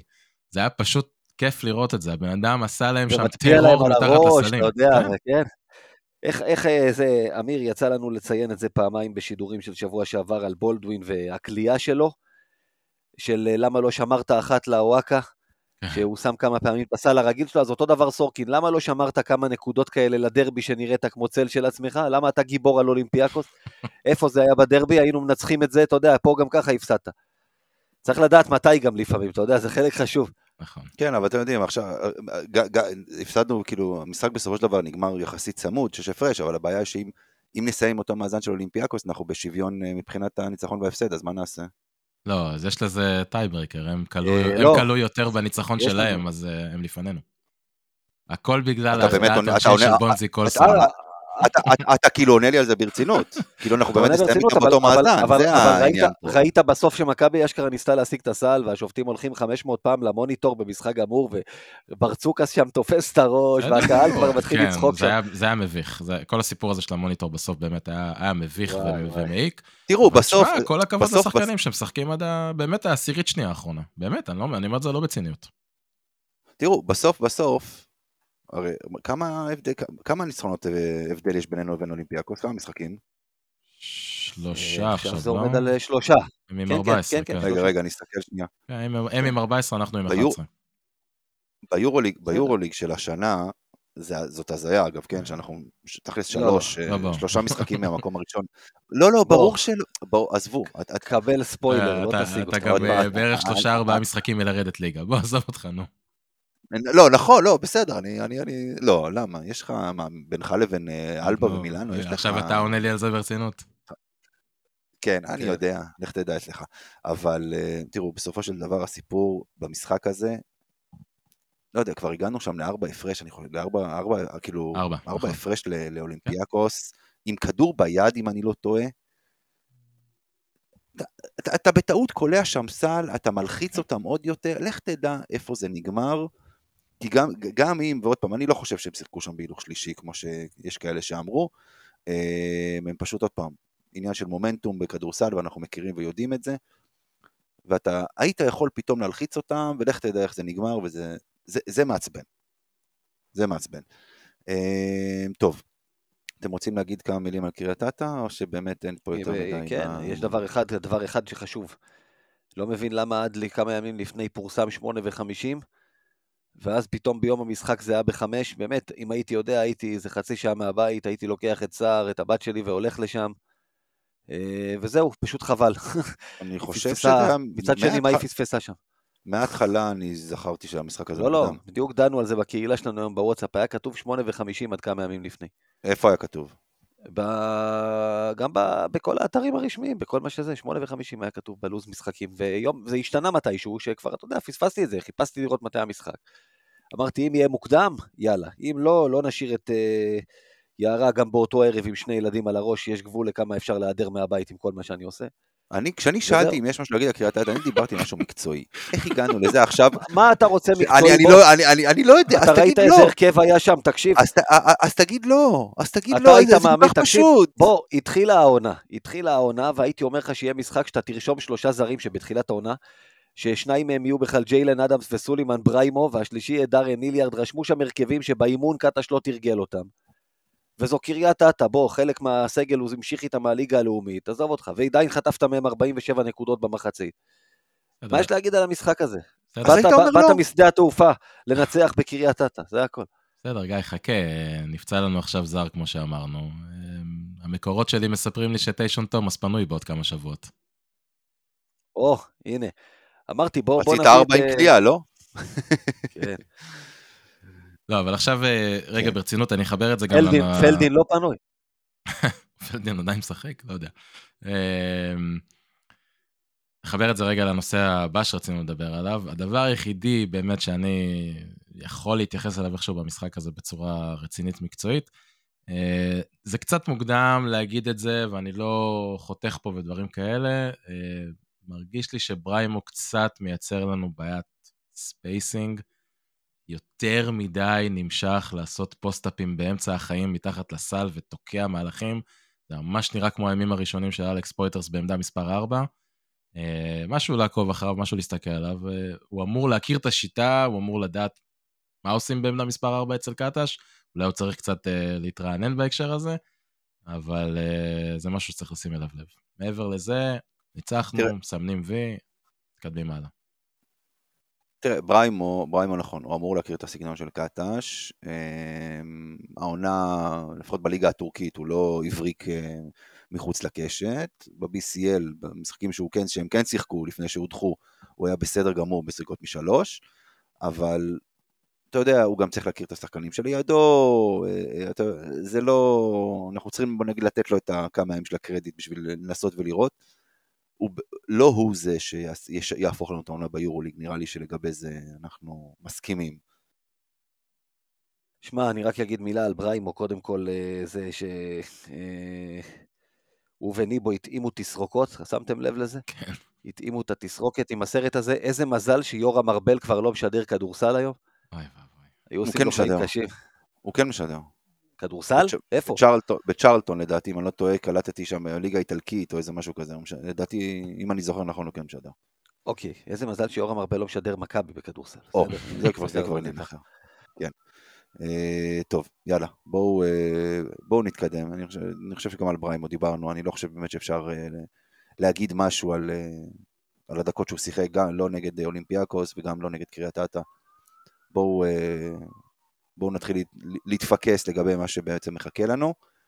אה, נחזור לימינו כילדים ונלך אה, לקראת ספרדי כפול בבורגראנץ' בספרד. רק אני מרגיש את הטעם של זה עכשיו בפה. קצת, קצת, וואי, האמת, האמת עושה לי חשק. האמת את עושה לי הספרדי חשק. הכפול הזה, עם הרוטב הזה, מה שמו שם? כל לא הבצל. לא, כן, לא, לא, עושה לי חשק. טוב, אני יודע מה אני הולך לאכול. אתה רק מדבר לפני. על זה והפה שלי מתחיל להסריח לבד, תקשיב, זה... אני, לא, לא, אני כבר יודע מה אני הולך לאכול לפני המשחק, אה, לפני המשחק של מכבי נגד הכוכב, לפני שאנחנו מתחילים לשדר. זה עוד אה, לא. קיים? יש לך בורגראנץ' כפול? בערב? יהיה בטח. מנת כן, נכון, הדגל, יש מה קרה לך? מה אתה, על מה אתה אה. מדבר? לא אכלתי לא, שנים אה. בורגראנץ', באמת שאני כבר... לא, לא, תקשיב, הוא לא רע בכלל, באמת. כאילו יחסית וזה, זה לא רע. די, די. אמיר, עצור, עצור, די. לא, אתה- לא, עוד פעם אמרתי, יחסית, זה תלוי למה. אם ת- אם אתה רוצה את להמבורגר, תאמין לי, אני מעדיף כריך ברובה, טוב עזבו, אני נהיה רעב, בואו בואו נתקדם. יאללה, אה, כן, הדיון הבא בקהילה, סקר ספרדי כפול. אה, בין הפותרים נכונה, יוכל לאכול איתנו לפני המשחק מול. הכוכב האדום, ספרדי כפול בבורגר, נגריל שוקופאי. נגריל נביא שוקופאי. לך שוקופאי מתנה, כן, בדיוק. לא, אני, האמת, כש- כשמזכירים את הבורגראנץ', אני הדבר הראשון ממשיכים. בבורגראנץ'. נמשיך, למה לא? כן, זה נחמד, זה מעניין. מה אתה מעדיף לדבר על ההפסד בברצלונה מחר? בוא נדבר על בורגראנץ'. כל עוד זה לא אה, מגיע לטוטי פרוטי ההוא של פעם, הכל בסדר, עזוב, לא, לא, עדיף לא. בורגראנץ', הכל בסדר. לא, לא, לא, לא, בהרצליה, איפה שגדלתי, בסניף הייתה פעם מכונת משחקים כזו, של צבי הנינג'ה. זה מה שאני זוכר, זה מה שמזכיר לי הבורגראנץ', ה- הזיכרון הראשון זה זה. עכשיו אפשר להתקדם. טוב, אז מחר יש לנו ברצלונה, אמ, הקבוצה היחידה שהפסדנו לה בבית העונה. משחק סופר מעצבן, שיכולנו לנצח אותו, כי אנחנו שיחקנו שם רע, לא כמו שאנחנו משחקים בבית בדרך כלל. אמ, שם הפסדנו לברצלונה בלי מירוטיץ', גם, קור, גם קייל קוריץ' לא שיחק, נכון? נכון. נכון. ומחר ממה שאנחנו יודעים הם בהרכב מלא, אלא אם כן אה, תחדשו לי איזשהו משהו שאנחנו לא יודעים. כן. אה, אבל מצד שני, ניצחנו שם בשנתיים האחרונות, כולל 24 הפרש בשנה שעברה. כן, בדיוק. זה, וזה אגב, ניצחת שם פעמיים בשנתיים האחרונות, ויש לך ארבעה ניצחונות חוץ עליהם בכל ההיסטוריה שלך, שזה נתון הזוי. שום דבר לא הזוי כשאנחנו מדברים על מכבי. מה, מה הסיכוי שלנו לנצח מחר, יאיר? בלי לורנזו בראון, כן? אנחנו נגיד כן, ככה. בלי- בלי לורנזו בראון. אה, סיכוי יש, הוא לא, הוא לא גבוה. ברצלונה קבוצה טובה, אה, מאוד אה, מאומנת, יודעת מה היא רוצה. נטייה קצת לחרבן משחקים וללוזריות, ראינו את זה השבוע בקלאסטיקו שלהם נגד אה, ריאל מדריד, שהם הצליחו איכשהו לאבד משחק שהיה להם ביד. אבל אני חושב שבשביל שיהיה לנו באמת סיכוי אמיתי לקחת את המשחק, צריך להסתכל קצת על הדברים שהיו מאוד חלשים אצל מכבי באותו משחק בית שהפסדנו להם. אה, קודם כל הם הרגו אותנו מהשלוש במשחק הקודם, אה, כלו למעלה מ-40 אחוז ובערך, אם אני לא יותר מחצי מהזריקות שלהם היו משלוש בא- באותו משחק. אה, וריבאונד ההגנה שלנו היה על הפנים שם, זאת הייתה תצוגה תצוגת הבית הכי גרועה שלנו בריבאונד הגנה העונה, אה, ברמת אחוזים אני מדבר כמובן. ואלה שני דברים שבעצם... אה, אה, אתה רוצה, אתה רוצה את המספרים גם מאותו משחק, או שזה לא מעניין אותך? בקטנה כזה? אני, אני יודע, אתה יכול, לא אתה. יכול לתת, אבל, אבל לך על זה. אבל אלה, אלה שני דברים שאני חושב ש... שאנחנו צריכים לשים עליהם דגש מאוד מאוד גדול. בטח במשחק חוץ, הכלייה של היריבה בצד השני מבחוץ היא קריטית, הריבאונד הגנה שלנו זה קריטי. אה, ואני הייתי אומר, אה, מפתח שלישי שאני הייתי ככה מסמן, אה, בשונה ממה שדיברנו בדרבי ודברים כאלה, צריך כן לשאוף שם ללכת כמה שיותר פנימה, זאת אחת הקבוצות ששולחת את היריבות שלה הרבה מאוד פעמים לקו, אחת, אחת שעושה את זה באמת כמעט הכי הרבה ביורוליג, ומכבי כי קבוצת... אין שם שום, מה גיא? שום אתלטיות, אין שם שום אתלטיות בקו הקדמי בקבוצה הזאת. אנחנו כן. דיברנו על זה משחק קודם, שבמחצית הראשונה שהיינו יותר טובים, כל פעם שתקפנו את הטבעת, זה נגמר בסל או בפאול, כי באמת אין שם מאחורה כלום לחפות. אין שם לא רק. זה, לא רק זה, גם היה לך את אה, יוקובייטיס ולפריבטולה, שכאילו, הגארדים שלנו פשוט לקחו אותם לטבעת מתי שרק התחשק להם, נכון. וזה תמיד נגמר במשהו טוב. עד כן. שבסוף שרס... ואגב, ספ- זאת ספסל את הסיבה שניהם. שלמרות יום נהדר של אה, לפרוביטולה מהשלוש, רבע האחרון שרס הלך רק עם סטורנסקי ועם היגינס, בדיוק מהסיבה הזאת. כן, ואגב, נכון, עוד דבר אני- שהוא עשה, וזה, הוא, הוא הרג לחלוטין את משחק הריצה שלנו. הוא לא נתן למכבי לרוץ, אני לא זוכר נקודות מתפרצת שהיו במשחק ההוא. נכון. וזאת ברצלונה בכלל, דרך אגב. במדדים התקפיים שאתה מסתכל עליה, אין שם שום דבר לספר עליו. המדדים ההגנתיים, היא הכי טובה בלא לאפשר ריבאונד ליריב שלה משני הצדדים של המגרש. היא אה, סופגת מעט נקודות, היא עוצרת ריצה, זה, זה מה שהיא יודעת לעשות. היא מכתיבה קצב איטי יחסית, והיא מתסכלת את היריב. ולכן לא, אני חושב זהו, שה... כן, אמיר? יאיר, תגיד ואז אני אגיד. לא, לא, אומר, דבר, יאיר, דבר. רק לסיים את הנקודה שאמרתי מקודם, בגלל כל הדברים שגיא אמר עכשיו, אני חושב שזה מהותי שאנחנו נלך כמה שיותר פעמים לקו, כי מכבי קבוצת עונשין טובה ברמת אחוזים, ולבסוף נקודות אה, קלות אה, נגד קבוצת אה, הגנה טובה. מסתכלים על, סתם על ההשוואה מבחינת נתונים בין מכבי לברצלונה. מכבי קולעת יותר, לוקחת יותר ריבאונדים בהתקפה, לוקחת יותר ריבאונדים בכללי, חוטפת יותר, חוסמת יותר, מאבדת פחות, קולעת יותר טוב מהעונשין. אה, אבל אז מסתכלים קצת על המדדים הגנתיים ורואים ש... שעדיף לא להסתכל, מה שנקרא. אה, כאילו, אם אתה רוצה, אם אתה מחפש אה, אופטימיות לקראת, לקראת המשחק מחר. אבל שוב, זה, זה, זה, שוב, זה, זה, זה תלוי מן הסתם יותר בברצלונה מאשר במכבי, אין, אין בזה בכלל ספק, אבל אני, ברצלונה היא לא קבוצה מרשימה, היא לא קבוצה שאתה, שאי אפשר אה, לנצח אותה. מבחינתי לנצח אותם, זה, אה, יש סיכוי יותר גבוה מאשר לנצח את אולימפיאקוס, אה, בטח ובטח את ריאל, אבל מכבי, גם נכון שזה עוד פעם, זה סופר קשה בלי לורנזו בראון, וצריך מחר התעלות של, אה, של לא מעט שחקנים, מכבי יכולה לנצח את המשחק הזה. מכבי יכולה. השאלה בסופו של דבר, מכבי תנצח את המשחק הזה בהתקפה. אם היא תנצח, זה אך ורק בהתקפה, לא בהגנה. ברצלונה לא תקלע לך 100 נקודות. גם לא בברצלונה. גם לא 90 אגב, לדעתי. ונעבור למשחק שאם זה ננצח נכון. אותו, ננצח אותו בהגנה. זה בדיוק, זה, זה המשחק היותר חשוב בעיניי השבוע, גם מבחינת מאזן. ולנסיה היא באותו מאזן שלנו, זה כאילו עימות ישיר.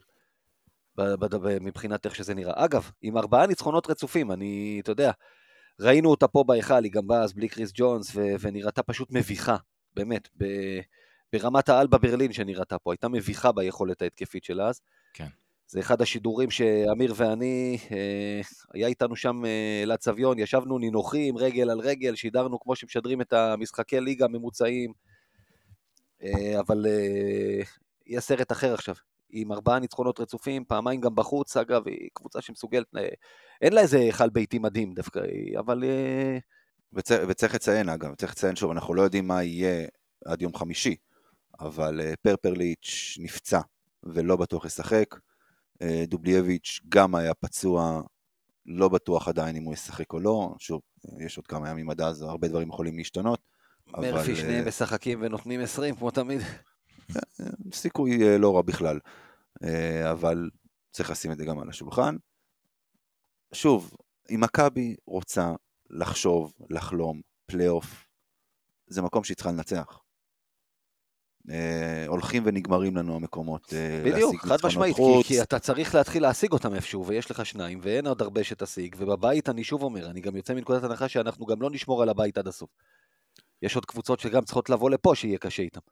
תראה, ב- בסופו של דבר, אני חושב שבמשחק הבית הכי קשה שיש לך מן הסתם זה ריאל מדריד. ריאל מדריד. אה, פנרבכצ'ה אתה יכול לנצח פה בבית. לא, במיוחד- ודאי, פנרבכצ'ה הנוכחית כאילו- כרגע היא לא מדהימה.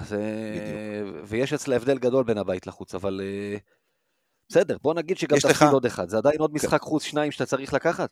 יש לך, יש לך כרגע שלושה משחקים שאתה יכול לנצח בחוץ, שהסיכוי לנצח בחוץ יותר גבוה, שוב, מסתכלים על איכות היריבה, זה ז'לגיריס, זה וילרבן וזה ולנסיה. פספסתי איזשהו משחק, יאיר? אה, כן, אני, ודרך אגב, וילרבן וולנסיה אני מסמן יותר, ז'לגיריס ההיכל שלהם קשה והם קבוצה טובה. הם קבוצה טובה, אבל, אבל, והקהל שלהם קהל נהדר ו- וקשה אבל אצלם. הם סובלים עכשיו ממכת פציעות קשה קשה, מנחוס יותר גדול ממכבי, כן. לגמרי. יאיר, יש עוד משחק שאנחנו- שהם מביאים שחקנים. יאיר, יש עוד משחק שאנחנו... אה, לא, שפספסתי? חוץ מזה יש לנו את אה, מונקו ואנדולו, אני לא חושב שאתה יכול לבנות על אה, ניצחונות שם. זאת אומרת, הנדולו, אתה יודע, זה עניין של יום נתון. לא יודע, הנדולו זה יום נתון, אתה יודע, ביירן ניצחו אותם בחוץ. זה עניין של יום, אבל כמו שהם יכולים להפסיד לך בב- בבית, הם גם יכולים לפרק לנו את התחת. אה, כבר ראינו את זה. ברור. אתה יכול לבנות שם על, אה, בעיקר על הקזינו במונקו ועל השתלות שיער ושווארמה ב- ב- לא, מונקו, מונקו, מעבר. מונ- מונקו אתה יכול לנצח, סליחה. מונקו אתה יכול לנצח. אפשר שוב, לנצח לא בכל בר- מקום, אני רק אומר, זה לא אתה מבין את הכוונה המקומות שיש שלי. לך אחוזים אתה- גבוהים. כן, אני, אני, אני מסכים. אתה מבין- מעולם- אתה מבין את מעולם הכוונה לא שלי. ניצחנו אותה בחוץ. כן, אה, כמה פעמים שיחקנו שם? כן. אחת. או, לק- לקח לכם רגע. כן. שיחקת לא, שם כל ההיסטוריה. שיחקת. שם פעם אחת בהיסטוריה שלך, כן, לא, יופי, רציתי לראות נו. מי יעלה על זה ראשון, בסדר גמור. בסוף מכבי תל אביב היא כרגע קבוצת החוץ הכי גרועה שיש ביורוליג. אה, כל פעם שיש לנו משחק נגד קבוצה שהיא ברמה שלנו ומטה והוא בחוץ, זה משחק שאנחנו חייבים אה, להתאבד עליו, אין, אה, אין דרך אחרת להגיד את זה. זאת אומרת, הפסד שמה זה גם עוד הפסד חוץ, זה גם פחות מקום שאנחנו יכולים לבנות עליו ברמה מסוימת אה, על, על ניצחון חוץ, ואם אנחנו לא ננצח בחוץ, גם אם ננצח את הכל בבית, לא בטוח שזה מספיק לנו בשביל uh, להגיע לפלייאוף. Uh, אבל קפצנו טיפה קדימה מדי. אני חושב לא, שוולנסיה, לא, לא, כן. כן. לא, סליחה, תסיים. דבר, דבר. זה מה שרציתי להגיד, having said all that, אני חושב שכמו שגיא אמר, ולנסיה באים במומנטום מאוד מאוד טוב. זו קבוצה שאנחנו, אנחנו אוהדי מכבי, אסור לנו לזלזל בה ולהסתכל עליה כאל איזה נמושת יורוליג, שזה בושה אם נפסיד להם בחוץ. זו קבוצה שההבדלים אצלה גם בין אה, ניצחונות להפסדים הם, הם תהומיים בצד ההתקפי. אה, ובגלל זה אמרתי בהתחלה שזה משחק שאנחנו נצטרך לנצח אותו בהגנה, כי אם אנחנו ניתן להם להשתולל, אה, זו קבוצה שמשתוללת. נכון. אני, אני מסכים שוב, כמובן פר, בלי פרפרליץ' ודובלייביץ' זה משמעותי מאוד מבחינתם, אבל אנחנו צריכים לקחת בחשבון שהם כן ישחקו, שלא נופתע אחר כך. סילביה המשתוללת, כן, ולנסיה המשתוללת. כן, לא, תשמע, גם בלי שני החבר'ה האלה שהם באמת שחקנים נהדרים, אז קריס ג'ונס זה שחקן נהדר שמניע שם את הכל, ומי ש... מי שבאמת עשו שם את הקפיצת מדרגה בחודש הזה שהם ניצחו הרבה מאוד משחקים, זה הרבה שחקני משנה שם. אתה מסתכל על הנתונים שלהם, כולם שם קולים בחודש האחרון באחוזים גבוהים מאוד משלוש. יש להם שחקנים ש... כמו אה, רדובו וג'וזפ אה, פוארטו, שהטרו שוטינג שלהם בחודש האחרון זה 80 אחוז, זה מטורף. זה שחקנים שמשחקים נכון. איזה 20 דקות למשחק, וכמעט כל כדור שהם זורקים לכיוון הטבעת נכנס. אה, בשביל זה מכבי מגיעה עם. הגנת הברזל שלה, בשביל זה מכבי מגיעה עם הגנת הברזל שלה. כדי לעצור אותה. בדיוק, ברזל. צ'אבי לופז אורסטגי וגם אה, ג'סיאל ריברה, זה שני שחקנים, ריברו, נכון. שני שחקנים שיש להם הבדלים מטורפים בין ניצחונות והפסדים, כמו שאמרת, השחקנים של אה, אנרגיות, של איך שהם מרגישים, ולמשל מכבי עשתה להם עבודה נהדרת פה ב- ריב- ביד רי- אליהו. ריברו הגיע כשחקן אה, ריבאונד התקפה הכי טוב ביורוליג, אני חושב, הוא לקח איזה אחד. אצלנו. עשו עליו עבודה מדהימה הוא- במשחק הוא- הקודם. הוא שוטט על המגרש, כן, מכבי פשוט, בדיוק, מכבי לקחה אותו ו- כן. ולמדה את זה טוב. כן, וזה, אלה דברים שיהיו מפתח גם במשחק הזה. חושב ששליטה בקצב של המשחק יהיה מאוד קריטי שם. בלי לורנזו זה הרבה יותר קשה לנו, אבל זה, אנחנו נהיה חייבים, כי כמו שאמרתי, אי אפשר לתת להם אה, להתפרע. טוב, יאיר, יאללה, הימורים. הימורים, נעשה את הסיכום זריז. אז uh, מי שניצח את השבוע הקודם היה האורח שלנו. למה. זריז? למה זריז? אה, רגע, למה זריז? לא בוא ניקח את ציפור הזמן. קטנה לחשה לי שיש לנו הרבה הימורים. היום, ואנחנו, כן. אה, אז, אה, אז אני אסכם ככה בזריזות. אה, אז שחר, שהיה האורח שלנו שבוע שעבר, עשה שבוע נהדר, 4 מ-5. אמיר ואני עשינו 3 מ-5. גיא, נשים את זה על חוסר שעות שתיים שינה, מחמש. 2 מ-5. כן.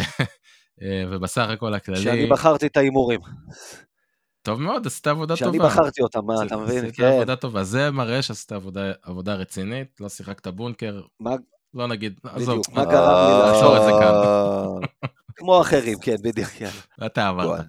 אה, טוב, סיכום כללי, אמיר מקום ראשון 55, גיא מקום שני 52, כל השאר לא מעניין.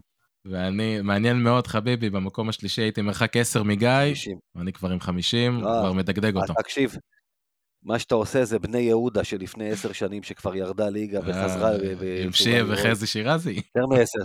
אני אמשיך, חזי שירזי ויעקב אסיאג על הקווים, בדיוק זה. אני אגיד, אני אגיד משהו שאמרנו פה בפרק כמה פעמים. זה לא בגלל שיאיר טוב, זה איכות היריבים.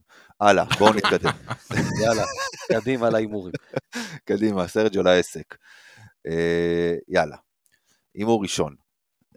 אז אנחנו כמובן, אה, בנוהל, יש לנו שלושה משחקים ממש תוך כמה ימים, ברצלונה בחוץ, ולנסיה בחוץ, באר שבע בבית. ביום ראשון, אנדר עובר אחת וחצי ניצחונות משלושת המשחקים האלה.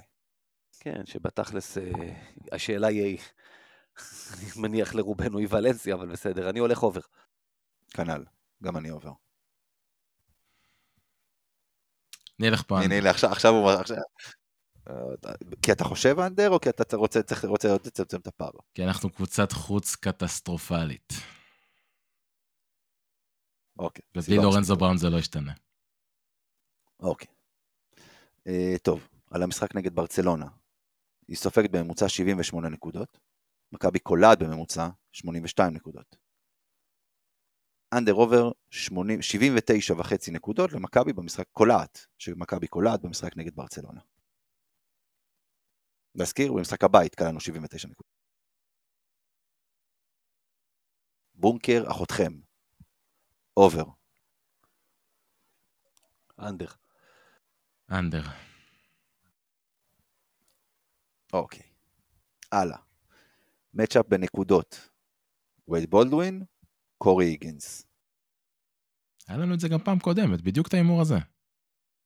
יש מצב, נו מה אתה רוצה? אבל זה הגיוני שיהיה את ההימור הזה.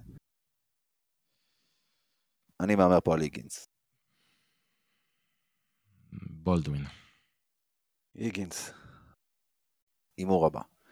אה, עוברים למשחק נגד ולנסיה, ושוב, מצ'אפ נקודות, שוב בולדווין, אבל הפעם מול קריס ג'ונס. פה אני מהמר על בולדווין. אה, גם אני. גם אני.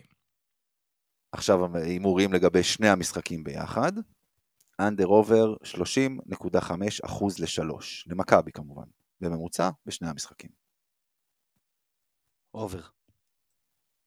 אתם יודעים מה? עצרו, זה קל מדי, 32.5 אחוז.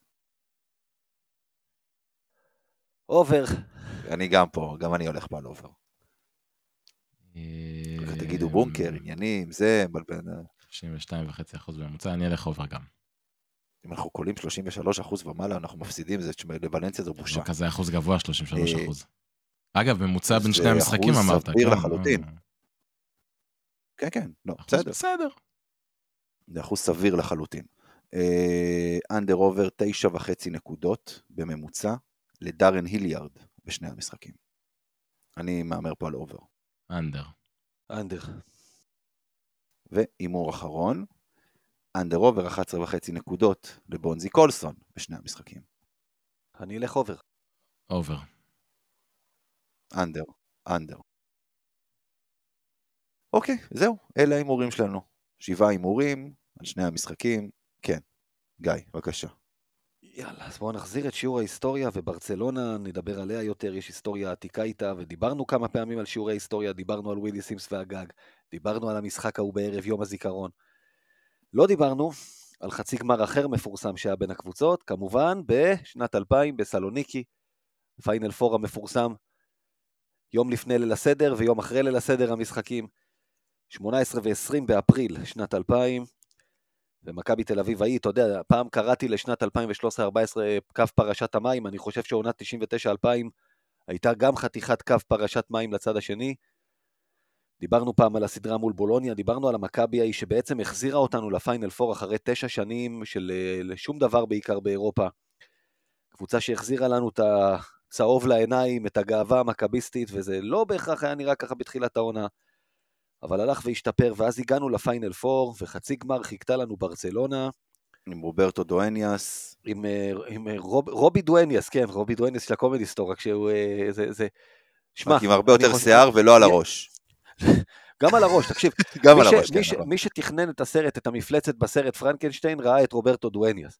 אין לגמרי. ספק בכלל. אז קודם לגמרי. כל נגיד, שצריך להגיד שמכבי תל אביב באה למשחק הזה כאנדרדוג, קבוצה שהרבה זמן לא הופיעה בפיינל פור, ומנגד הגיעה ברצלונה עם אה, קודם כל שחקני נבחרת ספרד כמו רודריגו דה לה פואנטה ודואניאס, עם יוצאי NBA כמו אנטוני גולדווייר ודרק אלסטון, עם... אה, וואו, השחקן הסרבי הזה, ברח לי השם השם שלו, נברו לא היה שם? לא, רגע, וכן, שני ילדים בני 19 שאמרו שחזו להם עתיד גדול, חואן קרלוס נברו ו... פאו גסול. נו, פאו גסול, אה, כמובן. פאולו גסול. ששניהם היו אז בסגל, וקבוצה באמת שעל הנייר נחשבה פייבוריטית, ומכבי תל אביב ההיא לא הייתה המכונה ההתקפית של 2003 עד 2005, אבל היא הייתה קבוצה הגנתית, אולי הכי טובה שראיתי ממכבי. היו לה דקות של הגנה שזה היה נראה כמו רמת professional או אולסטאר או איך שלא קוראים לזה במשחקי NBA, שאתה פשוט לא מצליח לזוז נגדה. Uh, כמובן הרי אריאל מקדונלד ששלט בקבוצה שהגיע באותו קיץ במקום קטש. ומכבי תל אביב נועלת את הסל ונתנה מחצית ראשונה מהמושלמות שראיתי ממכבי תל אביב. היא הופכת, היא עושה לברצלונה מחצית של 41-25, שברצלונה פשוט הייתה נראית בהלם ממה נפל עליה. אה, נזכיר את האולם הזה בסלוניקי, האולם של פאוק, אולם, כל הכבוד פיבה, אולם פיינל פור, 8,000 מקומות. פיני גרשון נכנס אז... אבל זה היה, עוד פעם, זה היה, שנות 2000, אתה יודע, זה לא היום. רבאק עדיין, שנה אחרי עשו את זה בברסי, לפני, אתה יודע, זה, זה אולם בסדר גודל אחר. פיני נכנס לאולם הזה, אני זוכר, המשפט הראשון, כי צילמו את זה, כל הזמן עשו על זה, ליוו את מכבי, אז שתי צוותי טלוויזיה למי שזוכר. גם ערוץ הספורט וגם ערוץ אחד שלח צוותים שונים בפיינל פור ההוא. וגם רדיו, וגם הכל, כאילו, אתה יודע, מכבי חזרה לפיינל פור, היה שם חגיגה תקשורתית מטורפת. ופיני צולם שם מכל זווית אפשרית, גם, אה, גם את הפה שלו וגם את הצד השני צילמו, לא נעים להגיד, צילמו הכל. איך אומרים, כל פלוץ שיצא שם תרתי משמע, מישהו היה שם לצלם ומישהו היה שם לתעד, ואיך שהוא נכנס לאולם, אתה יודע, פיני ישר, מה זה פה, אולם בית ספר? אתה יודע, דבר ראשון ש, שיצא לו מהפה. ואם זה לא מספיק, אז פנתנאיקוס, שהיא לא בדיוק המארחת, כי זה סלוניקי, אבל הקבוצה היוונית הודיעו מראש שהתקבל 4,000 כרטיסים מתוך ה-8,000. אז המזל של מכבי היה שהיריבה שלה הייתה ברצלונה, שערב לפני המשחק היה לה איזה משחק צ'מפיונס ליג מול צ'לסי, והקהל שלה כידוע בין כדורגל לכדורסל זה ידוע, אולי היו שם עשרה אנשים מברצלונה בערך. מכבי הצליחה לקבל אלפיים כרטיסים, והקהל של מכבי שם אה, נתן אווירה נהדרת ורוח לקבוצה, ומי שזוכר את הטירוף הזה שם בכל סל ובכל עצירה הגנתית, וזה היה כיף גדול לראות את זה, את הקרקס שמכבי עשתה להם במחצית הראשונה. מחצית שנייה היה סוג של בונקר, מכבי החנתה את האוטובוס, שמרה על התוצאה. נגמר 65-51 למכבי.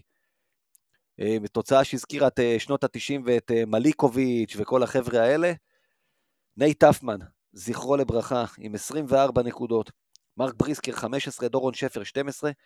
מקדונלד אגב, וזה היה סיפור, היה חלש מאוד בפיינל פור הזה. אחרי שהביא את מכבי ביכולת נהדרת, בפיינל פור הזה הוא היה חלש מאוד, והוא, ספוילר, יפצה על זה בעונה שאחרי. אז מכבי מנצחת, מכבי עלתה לגמר, את סיפור הגמר מול מי שמעניין לא, לא אותנו עכשיו, עזוב, כולכם מכירים. כן, בדיוק. איך זה נגמר כולנו יודעים, כן. כן. אה, טוב. אפרופו אה, ערוץ אחד, ערוץ הספורט, איפה אתם ראיתם את הפיינל פור? באיזה ערוץ? בערוץ הספורט. אני, לא, אני בערוץ אחד, כי ראיתי אותו בבסיס. מי זוכר מי שידר בכל לא, ערוץ? בואו נראה אתכם. מאיר איינשטיין ואליסר בערוץ אחד, יורם ארבל ועופר שלח בערוץ חמש. אמת. אה, אני ראיתי את זה בערוץ אחד, כי מבחינתי, המכבי שאני גדלתי עליה, זה התחיל עם אורי לוי והמשיך עם מאיר איינשטיין, ואז קצת uh, בשנים האחרונות שעוד יכולתי להגיד שאני גדל על מכבי, קצת רמי וייץ, uh, אבל uh, באותם שנים, מבחינתי, משחק של מכבי באירופה זה מאיר איינשטיין. כן. זיכרונו לברכה כמובן. כן, כן, זה המשפט, אני, תראה, הזכרת את, אה, קודם כל מאיר איינשטיין מבחינתי, המשפט, המשפט שלו על משהו שקשור למכבי זה למדינה יש גביע. כן. אה, ב-2001. אה, באמת? אני חשבתי דווקא את הזה על קטש, אוקיי. למה לא, לא, לא. קטש? דווקא הוא. זה בגמר, זה משהו אחר. למה קטש דווקא הוא עושה את זה? אני, אגב, אין ספק, אין ספק, דרך אגב, אם אנחנו מדברים, זה שוב, אנחנו לא נגענו בגמר, אבל אה, אני לא יודע להגיד לך מי מהשידורים היה עדיף, אני, ש, שני הפרשנים לצורך העניין, שניהם היו אורחים שלנו ויהיו אולי גם בעתיד, אני לא אתחיל להשוות ביניהם, לא לפגוע באף אחד, אבל אין ספק שבין uh, קטש תופר את השלשה הזאת ללמה קטש דווקא הוא, זה ברור לגמרי איזה משפט היה יותר מוצלח או יצרב יותר בתודעה, אין שאלה בכלל. כן, כן, אה, טוב, מאיר איינשטיין אה, היה ידוע במשפטים שהוא אומר, אתה יודע, שנצרבים לך בתוך הנשמה. אגב, אמרת אורי לוי, אצלי אורי לוי זה השלשה של ג'אמצ'י משלושת במגרש נגד ציבונה. כן. עם 5, 3, 2, או איך ש... 5, 3, 4, הספירה של לאחור, אלא הספירה לאחור בשיטה שאף אחד לא מבין. כן, ואם זה נכנס, כן, וכולי. טוב, יאללה. זה נכנס, בדיוק. אה, טוב, אז אנחנו מסיימים כאן את הפרק הזה. אז אה, קודם כל, יאיר וגיא, תודה רבה לכם. תודה רבה, אתם צריכים לבוא יותר. כן, לא ישבנו- מזמן לא ישבנו ככה כולנו ביחד. תכלס. בוא בוא נעשה את זה שוב. בוא, בוא, בוא נראה מה יש שבוע הבא, מי ייעדר שבוע הבא. אמ, אז אנחנו מסיימים כאן את הפרק. תודה רבה לכל מי שהאזין. חפשו אותנו כמובן, טוויטר, אינסטגרם, אה, אתר מכבי פוד, קבוצת הפייסבוק של האוהדים של, האוהדים של מכבי תל אביב. אה, כבר מזמן לא אמרתי את זה, כבר שכחתי, מה, אחרי זה? יש עוד משהו? קהילת- וואטסאפ. קהילת מכבי. קהילת הוואטסאפ, את טלגרם אמרתי. למה אתה סתם אה, איזה? לא? אתה- אתה- כן, כן, כן. קהילת הוואטסאפ שלנו כמובן, אה, אנחנו בעמוד הפודקאסט לפרסם לינק להצטרפות. אה, וזהו, תודה רבה לכם, ויאללה מכבי.